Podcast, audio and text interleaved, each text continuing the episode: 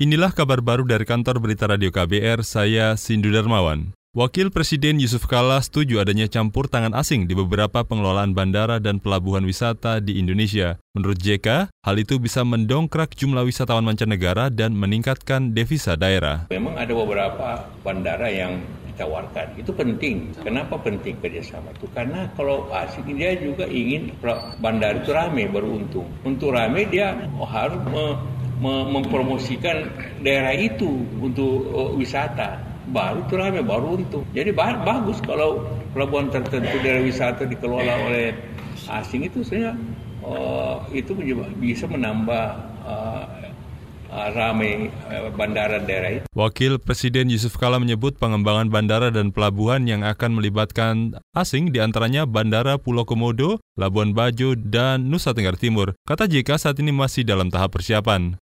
Kita beralih ke soal lain, PT Pertamina mengklaim sudah tidak ada lagi tumpahan minyak di perairan Karawang atau di sekitar anjungan lepas pantai milik Pertamina. Juru bicara Pertamina, Fajria Usman menjelaskan, tumpahan minyak atau oil spill baru itu sudah tidak keluar sejak 21 September lalu. Juru bicara Pertamina menambahkan, minyak yang masih ada di sekitar Karawang merupakan sisa dari tumpahan minyak sebelumnya. Sekarang sebenarnya sudah ditutup, tapi lagi proses untuk penyemanan Eh, kami melakukan persiapan karena ini kan e, mematikan secara permanen ya. E, jadi memang harus lebih hati-hati dan ada beberapa tes yang harus dilalui e, dan saat ini memang kita masih dalam proses ke situ. Juru bicara Pertamina Fajria Usman mengatakan saat ini Pertamina menggunakan pelampung yang digunakan untuk melokalisir tumpahan minyak yang saat ini juga masih terpasang di sekitar anjungan lepas pantai Pertamina.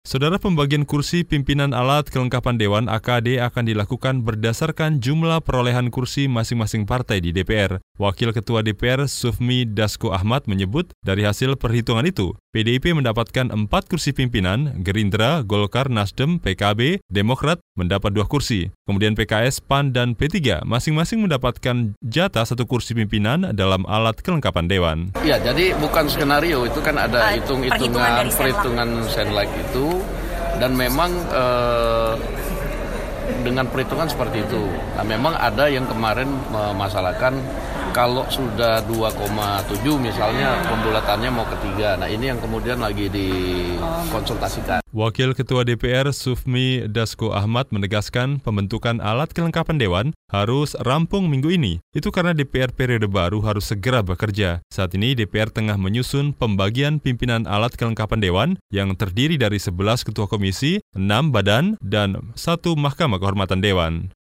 Saudara juru bicara Front Rakyat Indonesia untuk West Papua, Surya Anta, dikabarkan sakit di dalam tahanan di rumah tahanan Makobrimob Depok. Menurut juru bicara Mabes Polri, Asep Adisaputra, tersangka dugaan makar itu belum perlu mendapatkan pengobatan di luar tahanan. Asep mengklaim Surya Anta sudah mendapat perawatan tim kesehatan Polri yang ada di Makobrimob. Oke, uh, penanganan terhadap orang ya yang diperlakukan atau dalam posisi ditahan itu menjadi sebuah haknya ya dalam hal berbagai yang sudah kita atur dalam undang-undang. Salah satunya adalah perawatan dan kesehatan.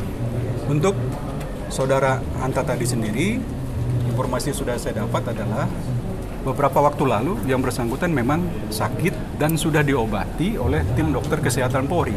Juru bicara Mabes Polri Asep Adi Saputra menegaskan tim kedokteran Polri masih bisa menangani keluhan-keluhan yang dirasakan Surya Saudara sebelumnya pengacara Lembaga Bantuan Hukum LBH Jakarta Nelson Simomora menyebut Surya Anta sakit pada telinga sebelah kanan hingga tak bisa mendengar. Menurut Nelson, Surya Anta perlu mendapatkan perawatan di luar tahanan. Sekian kabar baru dari kantor Berita Radio KBR, saya Sindu Darmawan. Salam.